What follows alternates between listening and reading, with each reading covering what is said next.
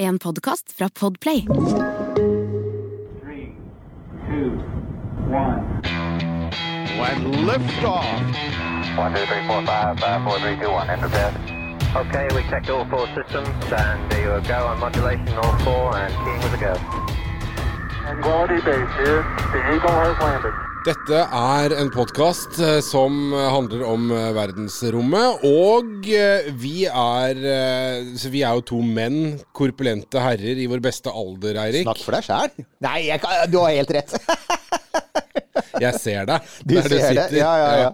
Eh, men det inngangen her var sånn menn, menn, Menn, menn, menn, menn. Men damer er eh, Nå er det eh, på tide at vi eh, må snakke om damer. Kvinner i rommet. Og ikke bare i, der oppe, men Og der var det menn igjen. eh, hele bransjen. Ja, vi må Det Du var veldig rett på denne gangen. Det, det var det. Syns, Da- vi skulle hatt en litt sånn mykere inngang? eh, Altså, det vi kan minne om her, er at det er en liten stund siden vi har hatt gjester i studio. Ja. Det har hatt mye å gjøre med at uh, Nils Johan og jeg er jo frilansere som jobber med andre ting når vi ikke snakker om rommet. Og gjenåpningen har vært god for oss. Det har vært veldig mange kunder som har kommet løpende og sagt 'Å, vi har savnet dere'. Og det har gjort at det er blitt litt mindre tid til å, å, å liksom sånn sjonglere med det å få gjester i studio. Det er alltid litt arbeid med det. Ja, rett og slett kan jeg bare ta det da også from the get-go. Eh, vi kommer tilbake til det når vi nærmer oss slutten her, men bare si det også, at alle som venter på T-skjorter Litt av samme grunn, nettbutikken har vært eh, sykt opptatt, i tillegg til at eh, ny bestilling eh, fra grossist er på vei inn. Så eh, ingen er glemt, dere som sender e-poster og lurer på hvor blir det av. Eh, dere er ikke glemt. Dere ligger der i mailboksen min eh, og håner meg eh, hver gang jeg ser på at bestillingsmailen er kommet, og jeg ikke får gjort noe med det. Sorry. Ja, Men det fine med det er at i motsetning til den forrige leverandøren, så sender du ikke penger, og så får du ikke noe. For her er det sånn at uh, Her kommer faktisk skjorta, her kommer faktisk skjorta. selv om det tar litt tid. Men for å komme tilbake til dette temaet altså det historiske utgangspunktet her er altså at 90% av alle som har vært i verdensrommet, er menn. Og 100% av alle, som- 100% av alle som har vært på månen, er menn. Eh, og vi har en bransje som, som tradisjonelt har vært veldig mannsdominert. Men samtidig så ser jo vi, vi ser det på lytterne våre, men vi, vi ser det jo også ute i samfunnet, at dette er i endring. Det skjer ting. Og dette har vi lyst til å snakke om, og derfor så har vi invitert eh, Vi har invitert deg, Marianne Vinje Tantilo, igjen fra Norsk Romsenter. Og dere som hører på oss, dere vet veldig godt hvem Marianne er. Hei! Hallo. Det var en stund siden sist. Ja, nå var det lenge siden sist. Det var fint å være her. Men du jobber fortsatt på Norsk Romsenter, eller? Du har Jeg gjør faktisk det. Ja, du gjør det? Ja, ja, ja. Og- Ingenting sånn har endra seg siden Ikke noe sist? som endret seg. Og, så, og, og dessuten, du er jo litt sånn Du må si at du jobber jo også med ESA, ikke sant? Ja, jeg jobber jo på Norsk Romsenter, og så jobber jeg med den europeiske romorganisasjonen ESA. Um, både at jeg sitter i rådet, som på en måte er topporganet da, som bestemmer hva ESA skal gjøre, sammen med sjefen på romsenteret, og at jeg er formann i det som heter programstyret, altså styret for bemanna romfart da, for, eh, for ESA. Og så sa, fortalte du oss at du også jobber i forhold til FN. Ja, jeg er mentor for kvinnenettverket til UNOSA, United Nations Office for Outer Space Affairs. Dette er Space for Women. Vi har faktisk ikke nevnt det før. Vi må nevne UNOSA. Det er kult, for det, jeg liker bare navnet. UNOSA. Ja, jo, men det er, det er jo bare det at alle de titlene du har, er jo så kule. Ja, ja, altså jeg har jo verdens beste jobb. Kjære venner. Ja. Vi har sagt det, Det før, sagt at du, du har den jobben som, uh, alle, som vi og alle våre lyttere drømmer om, Marianne. Og, og, og det, det er, altså, du er jo her først og fremst derfor, fordi at du er liksom vår kontakt inn i rombusinessen. Så, så det var ikke sånn at vi satt og sa å, vi skal snakke om kvinner, finner vi en kvinnelig gjest? Nei, vi sa hvem kjenner vi som har mest peil på hva som skjer i rombransjen? Jo, det er Marianne! Så der er vi. Men altså, jeg bare tenkte sånn Vi hadde dette ble jo aktualisert i sommer, denne, denne, den, altså den sånn, dette gapet mellom samfunnet, hvor det er 50-50 fordeling mellom kvinner og menn, og rombransjen, som har hatt en veldig skeiv fordeling, og det var altså Wally Funk, ikke sant? I sommer, eh, denne mye omtalte oppskytingen av Blue Origins-rakett, hvor alle ble så veldig sinte på at Jeff Bezos trengte seg forbi Wally Funk før, når, når de hadde landet. Men likevel, den ene sånn positive tingen folk snakket om, det var henne. For hun var jo en av disse The Mercury 13. eh, og der har jo Netflix faktisk en god dokumentar. Og, og det var en gruppe tidlig på 60-tallet som arbeidet for å få kvinner inn i det amerikanske romprogrammet fordi de mente at det, det, det var ikke noe som hindret kvinner i å bli astronauter rent fysisk. Og det er det vel ikke, Marianne? Det er ikke noe i veien med kvinnekroppen, er det det? Altså, sånn, Nei da, det er ikke det. Og, og på den tiden så var det jo flere som tenkte til, og fortsatt skulle å si at kvinner er jo både lettere og trenger mindre oksygen, så sånn sett så hadde det nesten nærmest vært en fordel, ikke sant. Men, men det gikk det litt bort fra da. Men nei, nei, det er ikke i utgangspunktet noen ting som tilsier at uh, kvinner skal gjøre noe annerledes enn menn. Eller det er forskjeller, men ikke noe verre eller bedre. Det er ikke sant? Altså, en ting som jeg kommer kom til å tenke på, er jo at sovjeterne når de sendte, opp, de sendte opp hunder før de sendte opp mennesker. De sendte alltid opp tisper. Og en viktig grunn til det var at de var rolige under stressa forhold. Ja. Og jeg syns det er så fascinerende at det var sånn Ok, så når det gjaldt hunder, så, var det, så syns dere de var, det, det var veldig smart å sende opp, sende, sende opp tisper. For at nei, de, de, de, de Dette er knust patriarkatet her nå. Ja, så det, ja, ja. det føler jeg Her, eh, her er det dobbeltmoral. Jo, men det var jo, det var jo noe her med Det var jo også noe greier her også med eh, Altså, jeg har jo sett litt på den historikken her. Eh, hvis du går tilbake til 50-tallet, hvor man begynte å si at vi skal reise opp i rommet. Så var jo argumentene for at du ikke skulle sende opp kvinner, var jo sånne klassiske som f.eks. at eh, kvinner hadde ikke sterk nok syke, de ble lettere hysteriske, var en sånn ting man sa. Ja, de var ve Altså, når slutta liksom eh, det, det, det, legestanden å være så fryktelig opptatt av denne kvinnelige hysterien? For det var også en greie som var veldig poppis en stund. At det hysteri Og det skulle man kurere med noen sånn litt tvilsomme Tror du ikke det har vært hersketeknikk, da, rett og slett? Det har jo sant? Altså, garantert det. jeg, jeg, jeg leste nå litt før jeg kom hit, også, og, og fant liksom ut det at det, det er vel større sjanse for at kvinner går litt sånn i og blir stille og rolige hvis det, hvis det er eh, fare og stress, ikke sant. Og at menn går litt sånn i forsvarsposisjon, at kvinner heller trekker seg tilbake enn å bli hysteriske. Så ja. Og så, så var det den, den andre tingen jeg fant, da. Det er, altså, det fins jo sånne der rare sånn i, de, de mørke sidene av romhistorien. Som, de handler ikke alltid om nazister, folkens. Det handler også om sånne ting som dette her. Ja. En sjelden gang handler det ikke om Werner von Brandt. Der ble det sagt. Eh, ding! Ja, vi burde ha en sånn liten bjelle. Ja, vi legger legge på det. Eh, vi burde hatt det. En liten sånn fanfare fra Das Wochenschau. Men uansett, eh, eh, det, det var dette med kvinnekroppen. Som, eh, sant, som du sa, altså eh, kvinner, var ikke, altså, man så på, kvinner var ikke sterke nok. Og da tenker jeg, unnskyld, men eh, noen som kan presse ut noe av kroppen sin på størrelse med et gresskar, er, må være ganske sterke. Men det var også dette med menstruasjon. Det kom de tilbake til. Og det fins noen legendariske historier om eh, Sally Ride, den første amerikanske k- Ja, Da hun skulle opp med romferja. Hvor mange Ja, hvor trenger- mange tamponger? Trenger du? Det var sånn, ja, Ja. og det var sånn, Trenger du 100 eller 200 for et opphold på noen dager? Ikke sant? Det sånn. Men sånn, det er jo helt vilt, for man skulle jo tro de aldri hadde snakket med en kvinne før. Det har jo ikke noe med rom å gjøre at de spør sånne idiotiske spørsmål Men. Marianne, du må huske på at det sikkert var en ingeniør som stilte det spørsmålet. Det var- og en altså. ingeniør hadde nok ikke snakket med, så veldig mange andre kvinner enn sin mor. og det var bare liksom Kanskje akkurat det du spør mora di om, liksom, ja, på en Nei, måte. nettopp. Jeg skjønner. Så jeg tror nok det, jeg tror det, det er bare der. Men det, som- det som jeg syns er fascinerende, da, er jo liksom det at dette, dette ja, Nå skal vi ikke henge oss opp i menstruasjonsskøyter, men dette blodet skal jo ut et sted. Ja. Og på bakken så er det avhengig av at det på en måte, ting renner jo en vei, og ikke den andre. ikke sant? Og det gjør det ikke vektløshet. Og, og det, har de vært, det har de nok tenkt litt på. ikke sant? Altså, hva skjer hvis det ikke kommer ut der det skal? da? Hva, hva, skjer da, liksom? Ikke sant? Og det, det er faktisk og av, Jeg vet at en av grunnene til at de var veldig opptatt av antall tamponger, var at, at um, eh, eh, doen om bord i romferja den er jo konstruert, Alle romdoer er jo konstruert for liksom å komprimere og, ta, altså, og, og sørge og? Og, bearbeide det som går nedi der. Ikke? Og, og den var ikke konstruert for å håndtere blod. Så, så det de var redde for, var faktisk altså at hvis ikke de hadde nok tamponger, så måtte Sally Ride gå på romdoen, og så ville den bli klogd, og så måtte du avbryte ferden og nødlande på et lite isflak i Jeg vet ikke. Det, det var noen sånne greier de hadde der som, som i ettertid virker litt absurde. Virker veldig absurd. Og så, da er jo på en måte løsningen kan jo være å med kjemikalier på en måte gjøre noe med denne her kvinnekroppen. da. Men samtidig, hvis du tilfører kroppen hormoner og alt dette her som du må for å endre kroppens syklus, så kan det påvirke kroppens stressreaksjon igjen, ikke sant? Ved at den blir dårligere og mer hysterisk. Sånn at da er vi der igjen, ikke sant. Så, så det er liksom alt, alle ting som du tilfører kroppen har jo en effekt, ikke sant. Så, og spesielt på lange reiser til Mars og sånn, så må du jo finne ut den måten som i minst mulig grad påvirker hormonene, sånn at psyken på en eller annen måte blir påvirket, eller at kroppens reaksjoner og respons blir påvirket, da. Og samtidig at du faktisk klarer å ikke skape problemer, eller eh, lage en do som tåler alt, da. Det kunne jo f.eks. være en løsning. Altså, det var jo Det, var jo, det er det innspill inn her nå. Det er jo liksom Ja, eh, jeg, det, det, jeg liker Minste dette. felles multiplum. Der tenker jeg bare lage en do som fikser det. Her. For eksempel. Så er jeg ferdig med det, ikke sant? ja. ja. Ja, men det er et eller annet med at du sånn, med så mye, og dette har vi også vært inne på, med, ikke sant, med, med romdraktdesign. For det var Mm. jo en sak for, for et par år siden, ikke sant? hvor det var, det var mangel på, på, på altså romdrakter i riktig størrelse, var det ikke det, på romstasjonen? Jo, det var det. De har én i medium der oppe, og, og medium er ikke engang den minste størrelsen. Small er den minste størrelsen, men den har de bare gått helt bort fra.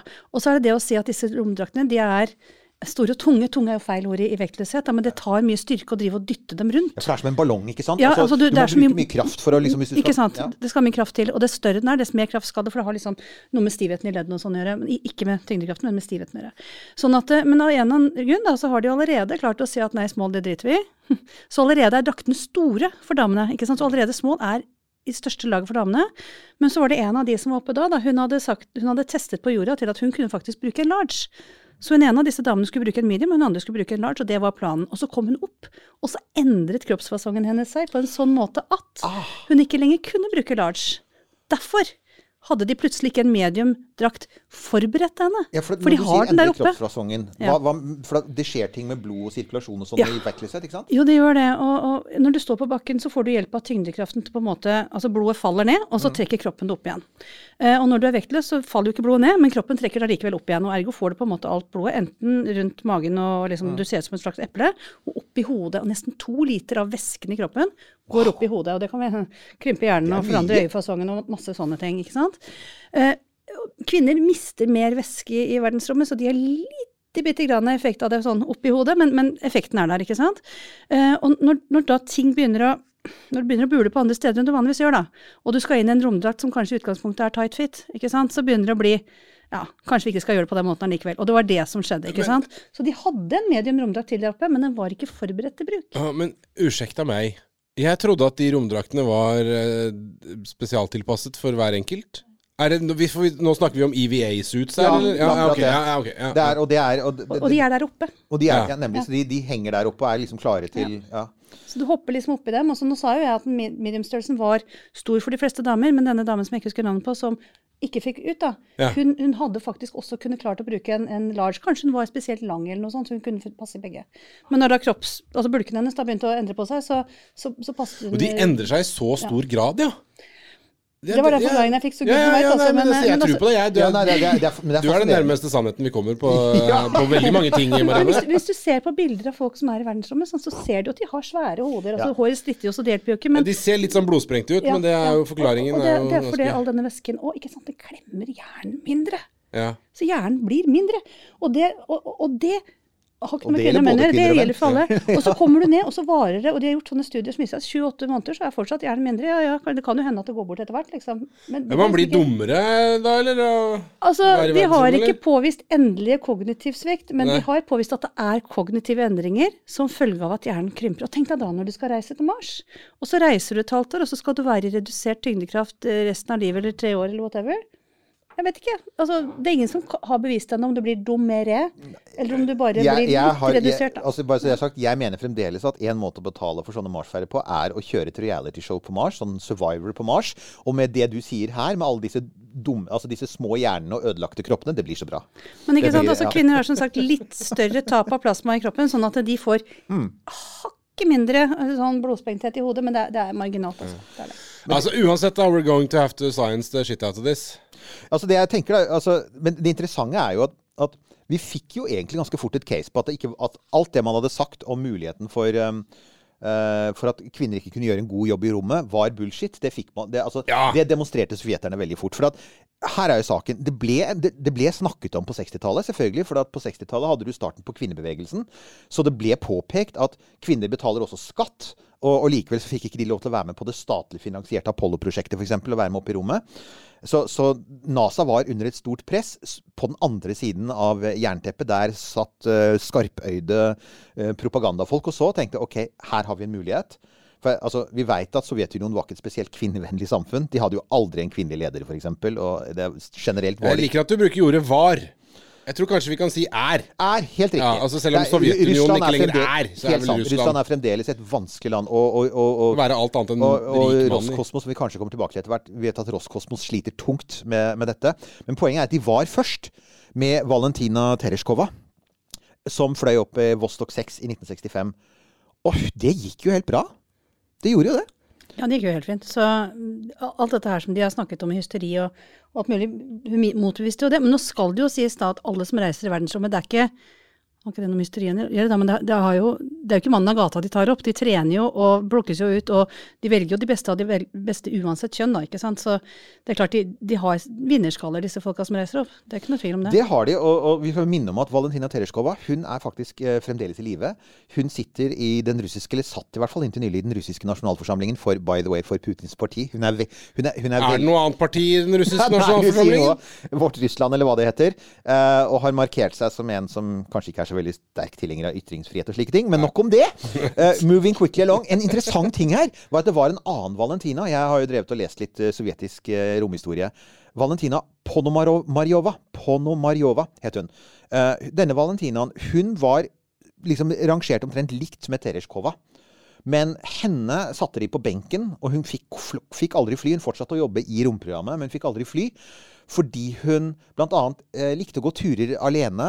Eh, hun, hun røyket offentlig, og hun var for frittalende. Hun var en ganske frittalt, frittalende feminist, mens altså da Valentina Tereshkova hun var mer sånn partyline og snakket om den sovjetiske kvinnen og kommunismens seier. Ja, Kan jeg få lov til å skyte inn en liten ting her nå som er gøy? For at i, I løpet av de siste uka sånt, så har jeg endelig fått sett ferdig eh, sesong to av For All Mankind.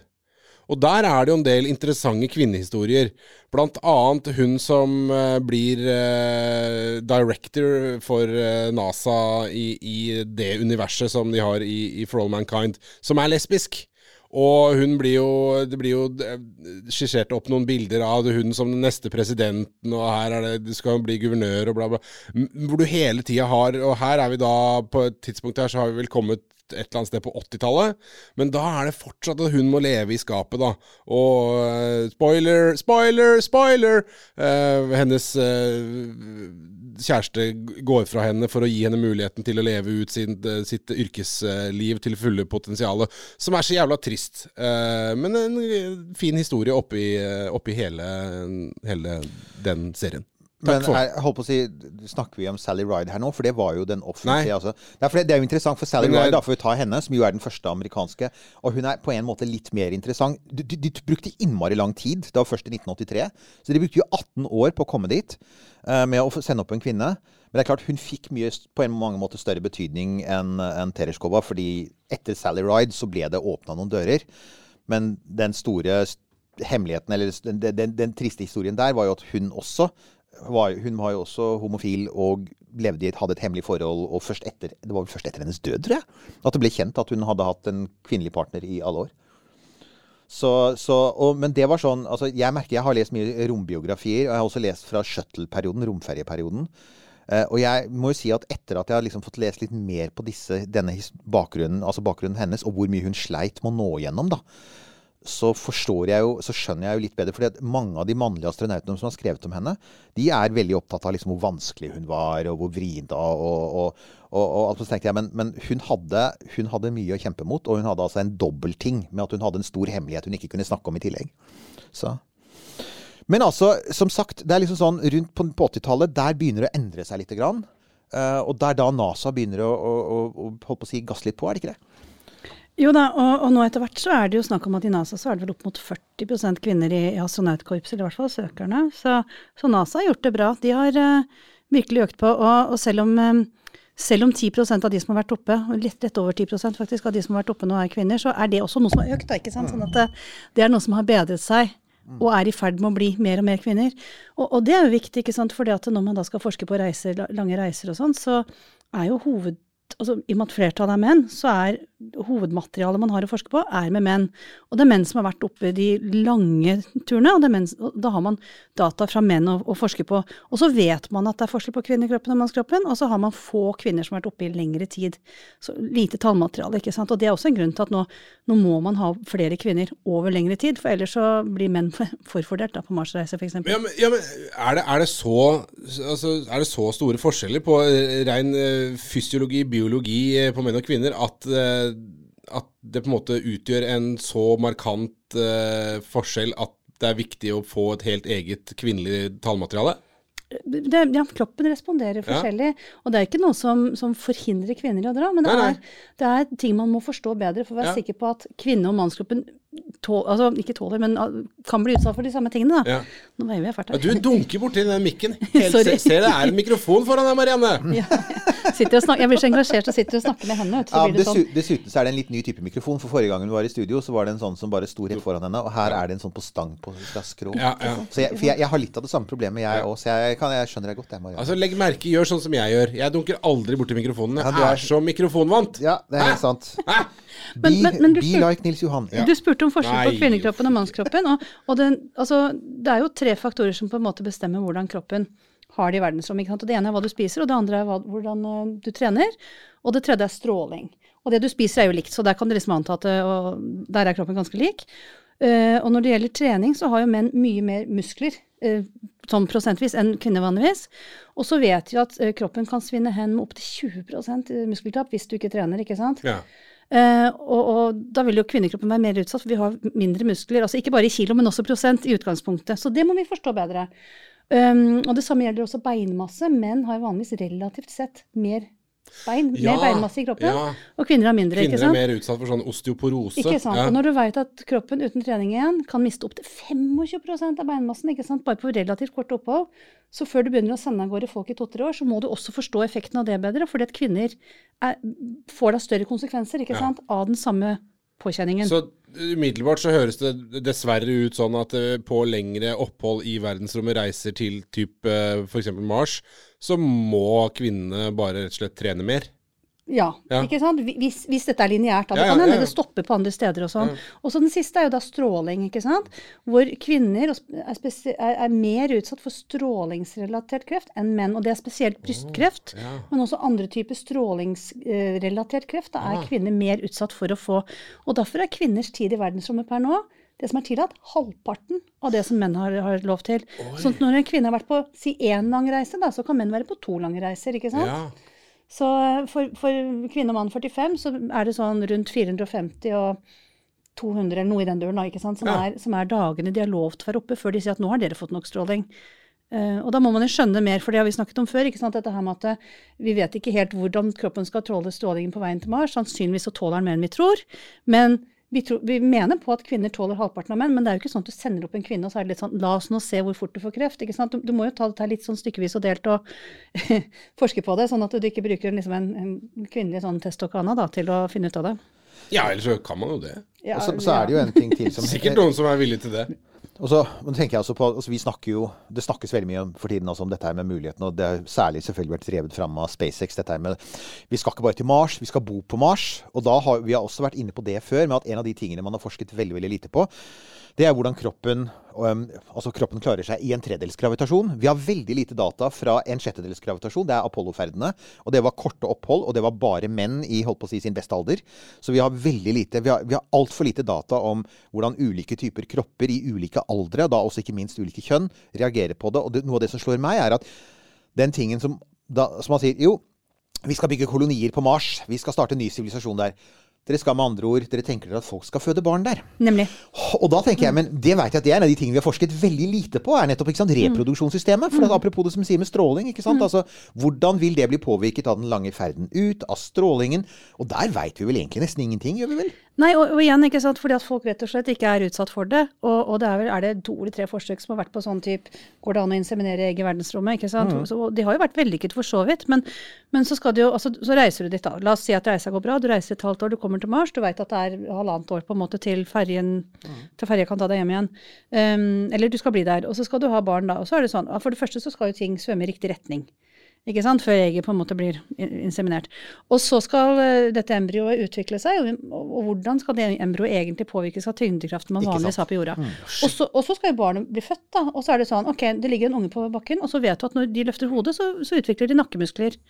Ja. Sjette, nei, tredjedel av tyngdekrafta. Hva skjer da med de nakkemusklene? Og så har du det gående, ikke sant? Ja, men, ja, og dette, men her er det jo Oi, oi, oi, for et minefelt av en eh, forskningsetikk man skal navigere Nemlig, nemlig. der. Men det, det er jo morsomt, for der har de jo i denne Jeg elsker jo den serien, som dessverre ikke er mer på et vis, eh, men eh, Expanse. Ja. Der har de jo det. Der er det jo uh, mennesker uh, som uh, har flytta permanent til f.eks. Mars. Og det er svære bosetninger, og ja, det er helt vanlig å bo på Mars. Og der er det jo sånn at de som er født på Mars, de er litt lengre. Og så blir de da, i noen tilfeller så har de, kommer de til jorda, og da er det sånn ah, de blir sjuke, og de klarer Det er slitsomt å gå, og alt er vondt og vanskelig pga. tyngdekraften. Så da får man jo anta at man får en homo marcius eller et eller annet sånt noe, da, som, som blir en litt sånn avart. Ikke annerledes, men bare litt annerledes. Men altså uansett så er det jo, tenker jeg, at det er noen sånne Når man ser på disse planene folk har, da, så, så, så virker det som Du får ofte følelsen av f.eks. den derre planen om å ha en million mennesker på Mars innen 2050, eller hva det er Elon Musk snakker om. ikke sant, Og sende 1000 romskip eh, hver gang det er oppskytingssesong mot Mars. Så tenker jeg sånn Jo, men, men igjen, har du tenkt på disse praktikalitetene? Det du har han jo helt sikkert ikke. Nei, det har han helt sikkert ikke. Så det er litt for mange av disse fantasiene våre er sånn science fiction, det er sånn nerdegutt-fantasier, sånn, sånn gutteromsfantasier, som skal ha sånne ting som ja, du må ha eh, tilrettelagt for, for, for barn og helsetjenester og skole og, og matproduksjon. Altså, Alle de kjedelige tinga. alle de kjedelige tingene. Ja. Og jeg ser det faktisk akkurat nå, for jeg har um, Altså, jeg er jo, uh, som jeg har sagt noen ganger tidligere også, jeg er jo medlem, så jeg er jo medlem i The Mars Society, de som vil kolonisere Mars. Jeg er såpass gal. Men jeg ser jo svakheten nå, for de har nettopp hatt en uh, Altså, når dette tas opp, så er de i ferd med å avrunde sin årlige konferanse om kolonisering av Mars. Og den legger de ut, så det, vi kan godt legge ut noen lenker til det på Facebook-siden vår, for at de legger ut alle foredragene. Og Der er det en sånn komplett oversikt over hva folk snakker om. Det er veldig mye snakk om romdrakter, kjernekraftverk, eh, boliger, matproduksjon. Det er fremdeles ekstremt lite prat om en sånn, sånn enkel ting som hvordan blir på en måte fødestuene på Mars, siden dere skal ha en koloni der? ikke sant? Hva vil det si å være jordmor på Mars? ikke sant? Og det, det er ingen som, altså, det bare snakkes ikke om. Og, og det, man bare tar for gitt at det bare fikser seg, og det mistenker jeg er fordi at veldig mange av disse gutta som f.eks. Elon Musk. Han har mange barn med damer som tar seg av de barna når han er ute og bygger raketter. Det er veldig sånn Det er, det er noe veldig sånn tradisjonelt ved det. Sånn altså. kulturelt tradisjonelt, ja. Det- Altså, en av yndlingstankene mine er jo på en måte det at når du skal ha astronauter som skal tåle all den strålinga av reiser reise til Mars og sånn, så kan man jo begynne å tenke seg at man forsker og finner ut hvordan må kroppen endre seg, og så begynner du å endre på den før de drar. Men da begynner du å gå på et minefelt på jorda, ikke sant? for da må du begynne å kanskje endre på embryoene før de blir født fordi du vet at de skal bli astronauter og reise til Mars. Uff, ikke sant? Å, sånn er det skumle Lebensborn uh, er Og mer enn nazisttankegang som kan trekkes ut i verdensrommet. Yay! Men, men det er sånn, der, det er, det er en sånn tankerekke som er interessant å ta. for Hvis du ser for deg at menneskeheten skal endre seg på Mars, så kan du på en måte begynne med det på forhånd, men, men du kan jo ikke det. Ja, men, men det som er litt morsomt her nå, for at nå ser jeg bare på eh, punktlista til eh, Eirik her, og da kan man jo tenke seg da at eh, den nasjonen som på en måte er neste på lista her, eh, kunne være en av de nasjonene som kunne vært truende til å gjøre akkurat det. For jeg mener, hvis du skal være turner og representere Kina, Ja. da begynner du å trene og strekke og gå i spagaten fra du er seks måneder gammel. Og blir piska, liksom. 1202. Ikke sant? Og, og kineserne er for øvrig veldig opptatt av å pushe dette akkurat nå. De har jo, akkurat nå så har de et eh, mann, de, de har sitt første faste mannskap oppe i den kinesiske romstasjonen, og det, der er jo en av dem er jo eh, kvinnelig eh, taikonaut. Eh, Deres første taikonaut det var jo eh, Liu Yang i 2012. Så da har vi fått med det. Og For øvrig, jeg må bare si sånn, sånn, sånn raritetsgreie, det måtte jeg jo researche. Men det er altså tre land som har kvinner som sin aller første astronaut. Yeah. Og det er Storbritannia, med Helen Sharman, som veldig få har hørt om. fair enough. Så- Fair enough, egentlig, men hun, hun reiste altså opp med Soyuz. Jo, men fair enough. Nei, fortsett. Ja, ja. Jeg, jeg skal, jeg, det kommer en rekke her fra meg. skjønner du. Ok, Jeg- det jeg gjør har det. Og så er det, eh, og så er det um, um, Anusha Ansari fra Iran. Å, det skjønner jeg ingenting av! Nei, men hun uh, bor i USA. Ja, ok. Og så er det Sør-Korea med, med Yi So Yon. Og Ja. det, skal jeg, det er sikkert uttalt feil. Men det er altså, så det fins faktisk tre land som har, eh, har sin første astronaut som er kvinne. Ja, det var bare denne den Iran-greia som jeg ikke Som jeg bare Hæ, what da? Mm. Det henger jo ikke på greip uh, for Iran i det hele tatt. Nei, det gjør ikke det. Og jeg, jeg, jeg lurer jo litt på i hvilken grad Men er hun da av iransk herkomst? Ja, altså det er, hun, he- Hun i høyeste- representerer ikke Iran. Hun i høyeste grad, og hun regner seg som iraner, men det er, hun er i eksil. Okay, ja. Hun er vel en av romturistene, hvis jeg husker. Okay. Uh, men, Ja. men uansett så tenker jeg at som sagt, astronauter er én ting, og det andre er jo selve, selve bransjen. Og der må jo sies at altså, NASA ble jo gjort oppmerksom på dette. Og, og det fins jo en, en Den har vi anbefalt før. Filmen 'Hidden Figures'. Som handler om den er bra. Den er bra, kan vi bare si det? Om de, de kvinnelige databehandlerne eh, i det tidlige romprogrammet. Altså det er klart, De tar seg som alltid med sånne filmer litt friheter med det rent tekniske, men, men, men hovedbudskapet er jo riktig. Det var mora til Jack Black som var en av de ish, Så er det moren til Jack Black. Ja, ja. Den går jo stadig vekk. Ja. Men takk for at dere tipser oss om det hver gang det dukker om. At hun, hun, eh, hun liksom sånn eh, skrev dataprogrammene som var med å redde astronautene i Apollo 13, og så gikk hun rett på fødestua og fødte Jack Black. Ja. Sånn apropos igjen hva, hva damer får til gutter. og så, men, men det er jo Og så er det Og det som har vært veldig positivt å se de senere åra, er at det er liksom sånn Ja, Hidden Figures-gruppa, og så er det uh, en som er ganske aktiv på romtwitter, Poppy Northcutt. Hun var den første kvinnelige ingeniøren i Mission Control under Apollo-programmet. Og, og hun kan man følge på Twitter, og hun vil jevnlig dele de artiklene som ble skrevet om henne på 70-tallet. For hun var ung, og hun var blond, og det var bare sånn derre Altså hvor, hvor, hvor søt hun var, og det var liksom det, det, De fotograferte henne som hun var en, sant, en, en, en fotomodell. Og hun ble ikke tatt for, på alvor eh, veldig lenge, og hun følte heller ikke at hun ble godt nok fulgt opp av NASA, så hun, hun gikk jo faktisk ut, eh, forlot NASA etter hvert. Spørsmål. Eh, I hvilken grad, du som, som jobber i disse korridorene, i hvilken grad eh, lever deler av den kulturen fremdeles? Jeg satt akkurat og tenkte på det. eh, Da jeg, jeg har jobbet med dette her nå i Guri land. eh, De første møtene jeg var på, ja, eh, 25 år siden 25 år? 25 år? Ja, ja. Vi kjenner Eh, følelsen, Marianne. Og, og, og, og de første møtene jeg var på, så fikk jeg tilsnakk for det. Ja, nei, men sekretærene skal jo ikke sitte her, dere skal jo sitte der. Og, og, og Ja. ja. nå må jo du gå bort sammen med de andre damene og sånn. Jeg, og, jeg har også sittet i møter som relativt ung, men med en fin tittel på kortet mitt, ikke sant? hvor jeg har bare blitt ignorert, og folk, menn, menn i rommet har blitt fokusert på. Og det øyeblikket man utveksler kort, så endrer liksom dynamikken seg, og da har plutselig jeg vært noe å snakke med likevel. Ja, for at det er ikke før credentialsene Nemlig. kommer fram at, du blir tatt på alvor. at kvinner blir tatt på alvor. Nå, nå, nå kjenner jeg folk, nå er det annerledes, men, men sånn var det liksom for, for 25 år siden. Men jeg syns jo det har endret seg drastisk i bedre retning, altså. Mm. Og i begynnelsen så var det liksom meg og kanskje en dame til, liksom, mens nå er det, nå er det sånn 30, 70, 40, 60, liksom, i de korridorene jeg går i. Og så, ehm, men en ting jeg syns er litt interessant, uh, og, det prøvde jeg å lese meg opp litt på også før jeg skulle hit, er jo det med hvordan folk samarbeider sammen. For det viser seg jo det at eh, menn samarbeider best med kvinner. Uh, og kvinner samarbeider best med menn. Ja. Og kvinner samarbeider dårligere med kvinner enn menn samarbeider med menn. Ja. ikke sant? ja. Sånn at um, det, det er noe Det er noe Altså, det er noe med hvordan I hvert fall når jeg begynte, da, så var det litt spisse albuer hos mye av de damene man møtte. ja. Og det måtte man nok ha for Ja. å komme seg liksom eh, litt opp og fram, da. Uh, uten at jeg, jeg har ikke så spisse albuer, syns jeg. Men, men altså, sånn var det litt. Jeg følte at det var mye ganske damer med ganske tøffe nesa. Men jeg kommer fra Norge, her er det annerledes. Så vi er mer sånn ja, selvfølgelig skal damer være med. Mens jeg, jeg har en, en ung bekjent fra, fra et sånn tidligere østblokkland, som er kvinne, hun er 25 år. Og hun er sånn Ja, men jeg må jo selvfølgelig velge mellom en karriere eller å ha barn. For forventningen til min familie er at jeg slutter å jobbe og, og få barn eh, Ja. med, med min kjæreste. Ja. Men jeg vil jobbe i rombransjen, ikke sant. Og ikke det med og, og, og, så det, det er veldig sånn kulturelt betinget. Altså det som for oss faller seg helt naturlig fordi vi er fra Norge, henger fortsatt igjen. Og det ser du også, det ser du i alle bransjer. Jo, men, sikkert, jo, ja, og det, men det er jo Ikke sant? Det er ikke unikt for rombransjen. Og veldig mye av det vi snakker om er, er jo strengt tatt ikke unikt for rombransjen. Nei, nei, nei. Og veldig mye av det ser du jo eh, i en del, som du nevner, øst, østblokkland, så går dette her i jævlig feil retning. Mm. Altså med, Ja, ja, med hvordan de eh, måte eh, forfølger altså, homser og, og transpersoner og alt mulig.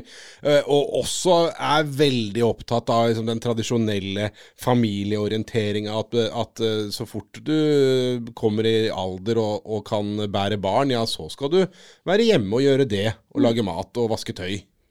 Men, det skal sies altså at i ESA, i den europeiske romorganisasjonen, så har de nå nettopp ansatt to kvinnelige direktører, sånn at tre av åtte er kvinner. Det er bra.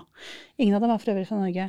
Um, og, og det er et stort utskifte av personalet, for det er mange som har jobbet der veldig lenge, som skal av med pensjon nå. De skal ansette rundt 100 i året, så hvis noen vil ha jobb, så er det bare å følge med på ESA framover. Og du ser, det kommer mye kvinner opp nedenfra, ikke sant. Så Ja. det er en endring i gang. Men det skal sies at det har nettopp vært en astronaututlysning. Med 22 000 søkere. Ja, vi har Ja. kunne vært litt med på den, vi. Ja. Har ikke vi det? Ja. Vi vil gjerne ha en oppdatering, Marianne. Ja, ikke sant? Uh, rett over 20% kvinnelige søkere. Gjett hvor mange det var fra for, det flotte landet Norge. Uh, jeg håper det var Totalt høyere. sett, eller kvinnelige? 9 for kvinner. Jeg håper det var høyere. Oh, ja, det tror jeg det var ganske høyt. 17 bare. Prosent. Uff a meg. Og det var trist. Jeg hadde Fra tenkt Norge. Under Åh. snittet. Du, Tenk på der det, hadde. Vet du hva? Eh, kan, nå må jeg to, eh, kjapt tordentale. Norske kvinner, skjerpings, altså. For jeg hadde Men vet du hva, helt ærlig, jeg hadde tenkt at det tallet ville være sånn eh, 60 eller 70. Jeg hadde tenkt at det ville være i hvert fall 30. Men altså, altså, ja. sånn er det. Sånn Nei, jeg hadde det, bare tenkt sant? at det Altså, kom til å være skyhøyt, Ja. Det kan jo være mange årsaker til at norske kvinner ikke søker på å bli astronaut, men, men, men jeg, jeg, jeg ble overrasket over at det var lavere enn snittet i Europa. Ja, det det syns jeg jeg, var veldig- jeg synes jeg var veldig rart. Og veldig, veldig synd, og, og, og igjen, altså ja. Jeg, jeg syns jo også 20% kvinner i Europa også er lavt. Ja. Ikke sant? Ja, det burde jo vært Men hvordan blir det 50. framover, da? Med, altså, når, når man skal gjøre uttaket, tror Mm. du at det vil bli en høyere prosent, eller blir det? Altså, Det, det er veldig personavhengig. Ja. Så, og, og det kan det, jo er veldig, hende det er veldig små tall, ikke sant? Det er- du ender opp med en liten det, gruppe. Fire. Ok. Fire til seks. Ok, Ja. Så det er nesten ikke noe å lage statistikk på, nesten? Nei, altså. nei, men det kan jo hende at det, det jeg snakket om i stad jeg, jeg nå, nå står ikke det i utvalgskriteriene, men ikke sant, det at man trenger data på kvinner.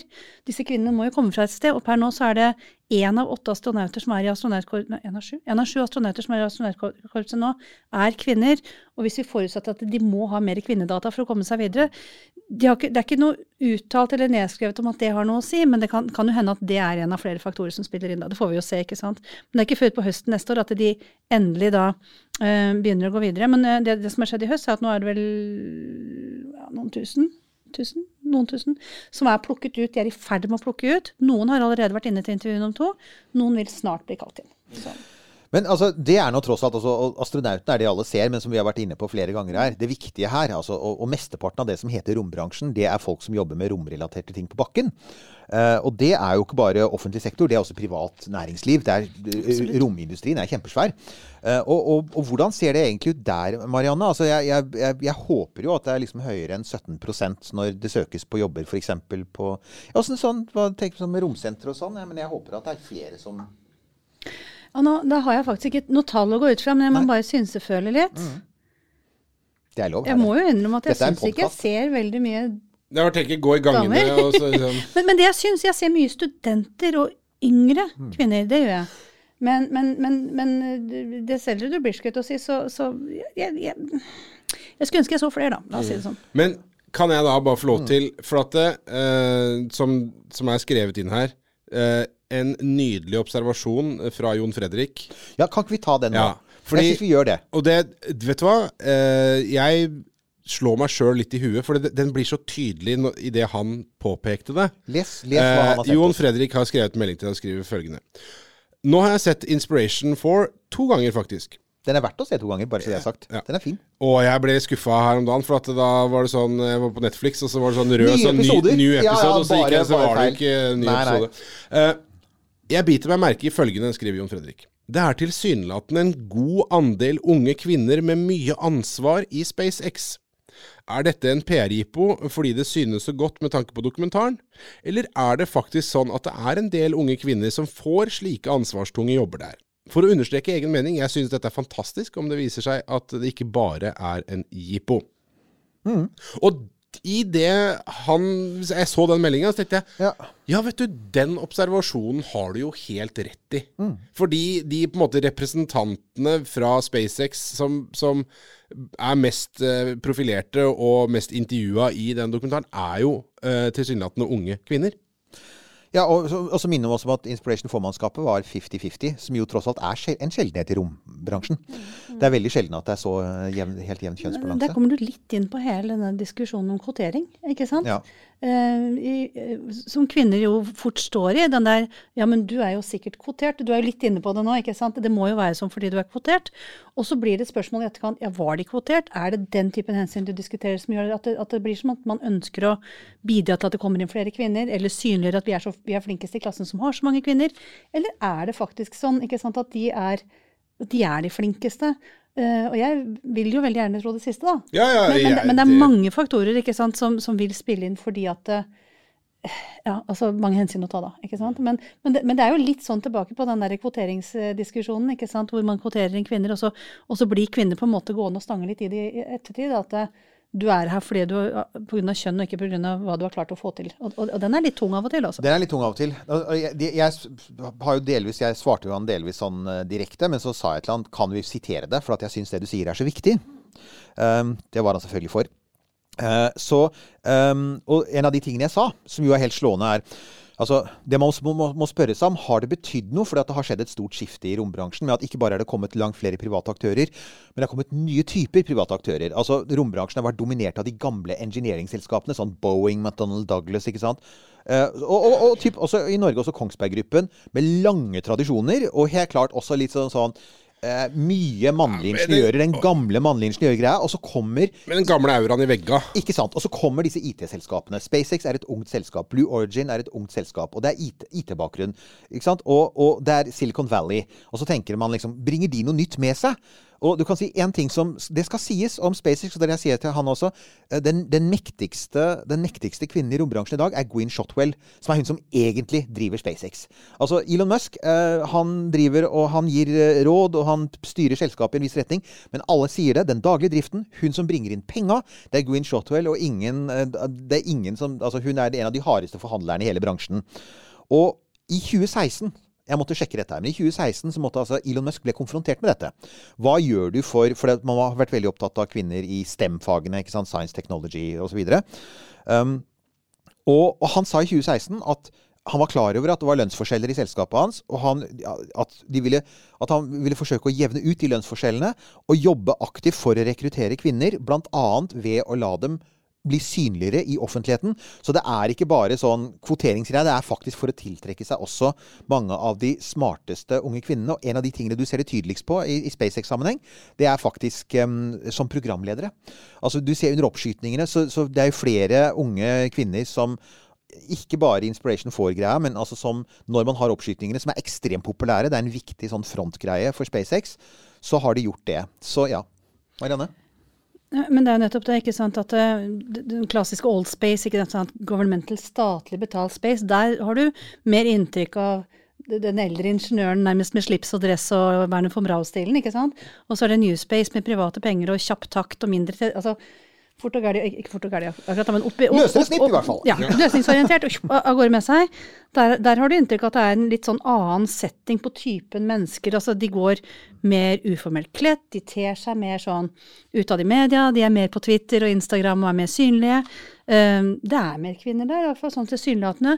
Du har nerdefaktoren, men du har kul-nerd-faktoren. Mens jeg syns kanskje sånn statlig som jeg jobber med, så er det mer sånn uh, Nerd-nerd. ja, jeg, jeg syns på en måte litt, i hvert fall den- det som vises utad, da, så er det litt mer sånn ingeniørboksen-mann-nerd-faktoren, da, Ja, kanskje. ikke sånn derre ting med penner i brystlomma. Ja, ja, ja. tenker Ja, ja, pocket protector. Ja, ja, ja, ja. Men det, ja men du det er visste jo med en gang hva det het. det er jo selvfølgelig bare en sånn der visuell greie, altså. Men, men, uh, Men, nei, men det, det, det er helt Jeg tenkte det samme, Marianne. Eh, Men det, jeg må, måtte jo også, vi må jo også si en annen ting da, til, til uh, vår venn her. Og det er jo altså, Når det er sagt, da, så er det klart SpaceX er et amerikansk selskap. Det er amerikansk arbeidsliv. Og det er klart amerikansk arbeidsliv er langt fra det norske på en del ting som vi ser på som både familievennlige og kvinnevennlige. Som foreldrepermisjon, rett til ferie, sykelønn, slike ting. Og de har et arbeidspress i SpaceX som helt klart ikke er, ikke er godt for noen i lengden. Og det er jo ganske mange Altså, de har ganske sånn stor omdreiningshastighet på ansatte. Blant annet fordi det forventes at du jobber som For at du skal til Mars, og de forventes at du jobber liksom sånn ekstremt høyt antall uh, timer i uka, liksom. Så, så den biten uh, må man alltid ha i bakhodet at re, altså, ja, relativt sett så ser det ut som SpaceX faktisk kommer ganske ålreit ut. Mens det er klart, sett i forhold til hva du ville hva som har vært vant til på mange norske Altså man vil forvente mange norske arbeidsplasser, så vil man si wow, de ligger en del etter. Ja, det har aldri fått det til. Altså, og det har jo mye med nettopp det der med at å sove på arbeidsplassen nærmest, ikke sant, å jobbe 20 timer i døgnet og, og sju dager i uka og én uke ferie og tre dager varselpermisjon og, Og- og alt det der. Det hadde aldri blitt godtatt i Norge, ikke sant. Og, og hvor, hvor ekstrem er den arbeidskulturen? For to dager siden så sa en av de største um, investorene i Tesla-aksjer Han sa at den største økonomiske risikoen ved å investere i Tesla-aksjer nå, det er faktisk Elon Musks helse, for han jobber så hardt. Han jobber 19 timer i døgnet. Han, han sover fem timer. Han er helt åpen på det. Han, han har solgt alle husene sine. Han sover på en sånn liten utbrettbar seng i et lite skur. På, på, og ellers så sover han i bilene sine og flyene sine. og Uh, altså, han, er jo, han er jo yngre enn oss, men han er ikke, han er ikke 25 lenger. Og han, som så han sier, det er faktisk den største risikoen eh, knyttet til det, er, men altså, du kan si det positive er at han sitter ikke og drikker, eh, ikke sant, og drikker margaritaer på yachten sin mens folk jobber vettet av seg. Han jobber enda hardere enn de andre. Han sitter og røyker Charles Joe Det- Rogan innimellom. Men- det gjør han, men det er veldig sjelden. Det er, det er liksom sånn, Av og til gjør han det. Eh, Men det forteller også litt om at altså, han vil selv være, gå foran med et godt eksempel, men sånn som han ser ut nå, så ser du at han er ikke noe godt eksempel. Han er, han, nei, han er sliten. Ja. Han ser innmari sliten ut. Og han, eh, siste videointervjuet jeg så med han, så klaget han over at han hadde veldig vondt i ryggen, som jo ikke akkurat er noen eh, ukjent ting. Men hvor, igjen antagelig fordi han sover på dårlige senger og knapt sover. Så, så, så ja, det er, jo, det er jo den biten der, da. At altså Ja, disse selskapene Altså SpaceX er bedre enn andre. Og ikke minst, da, og det må vi bare nevne her eh, det er I de siste ukene så har det vært veldig mye snakk om i amerikanske medier, og ikke minst romfartspressen, om at det har vært en varsler internt i Blue Origin, selskapet til Jeff- Bezos. Ja. Ja, ikke sant? Altså, Jeff Bezos, han kommer Altså, Det hadde jo vært hyggelig om det hadde vært mulig å si noe hyggelig om han. Eh, ja, jeg kan, jeg kan si én liten hyggelig ting om det. Ja, okay. om han. Fordi eh, det handler jo ikke egentlig om Jeff Bezos. Men eh, jeg husker forrige gang vi snakka om det, eh, og eh, Dildo in Space eh, med William Shatner. Eh, så vil jeg bare si det at nå har jeg sett intervju med William Shatner etter at han var der oppe.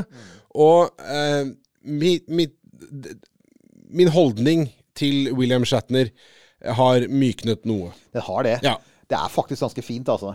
Det må sies at, at Rørende. Det, ja, det er rørende. Og det er faktisk en sånn påminnelse om at vi trenger andre typer altså, på, på, på, Ok, han er en hvit mann, men Ja. han er en mann på 90 år. Han er overvektig, han er i ganske dårlig form. Eh, Så én ting viser at du kan gjøre sånne korte romferder, men det jeg tenker er Og det er stikkordet her er mangfold. Det er etnisk mangfold, det er kjønnsmangfold, og det er aldersmangfold. Og vi, altså, for det er klart her har hovedtemaet liksom vært uh, med, med liksom kvinners muligheter i rombransjen. Men det er klart, det har vært en bransje som har ekskludert mange. Og er liksom, har, har du hatt feil hudfarge, eller feil bakgrunn, eller feil alder. De har vært veldig klare på alderscutoffen sin.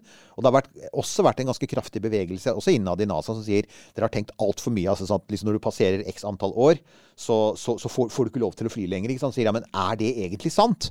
Og finnes det ikke noen gode argumenter for å la eldre folk gjøre det? Særlig med tanke på sånne ting som kreftrisiko og slike ting. For å si det sånn, vet du hva? Eh, William Shatner kommer ikke til å dø av strålingsskader, for å si det sånn. Nei. Marianne?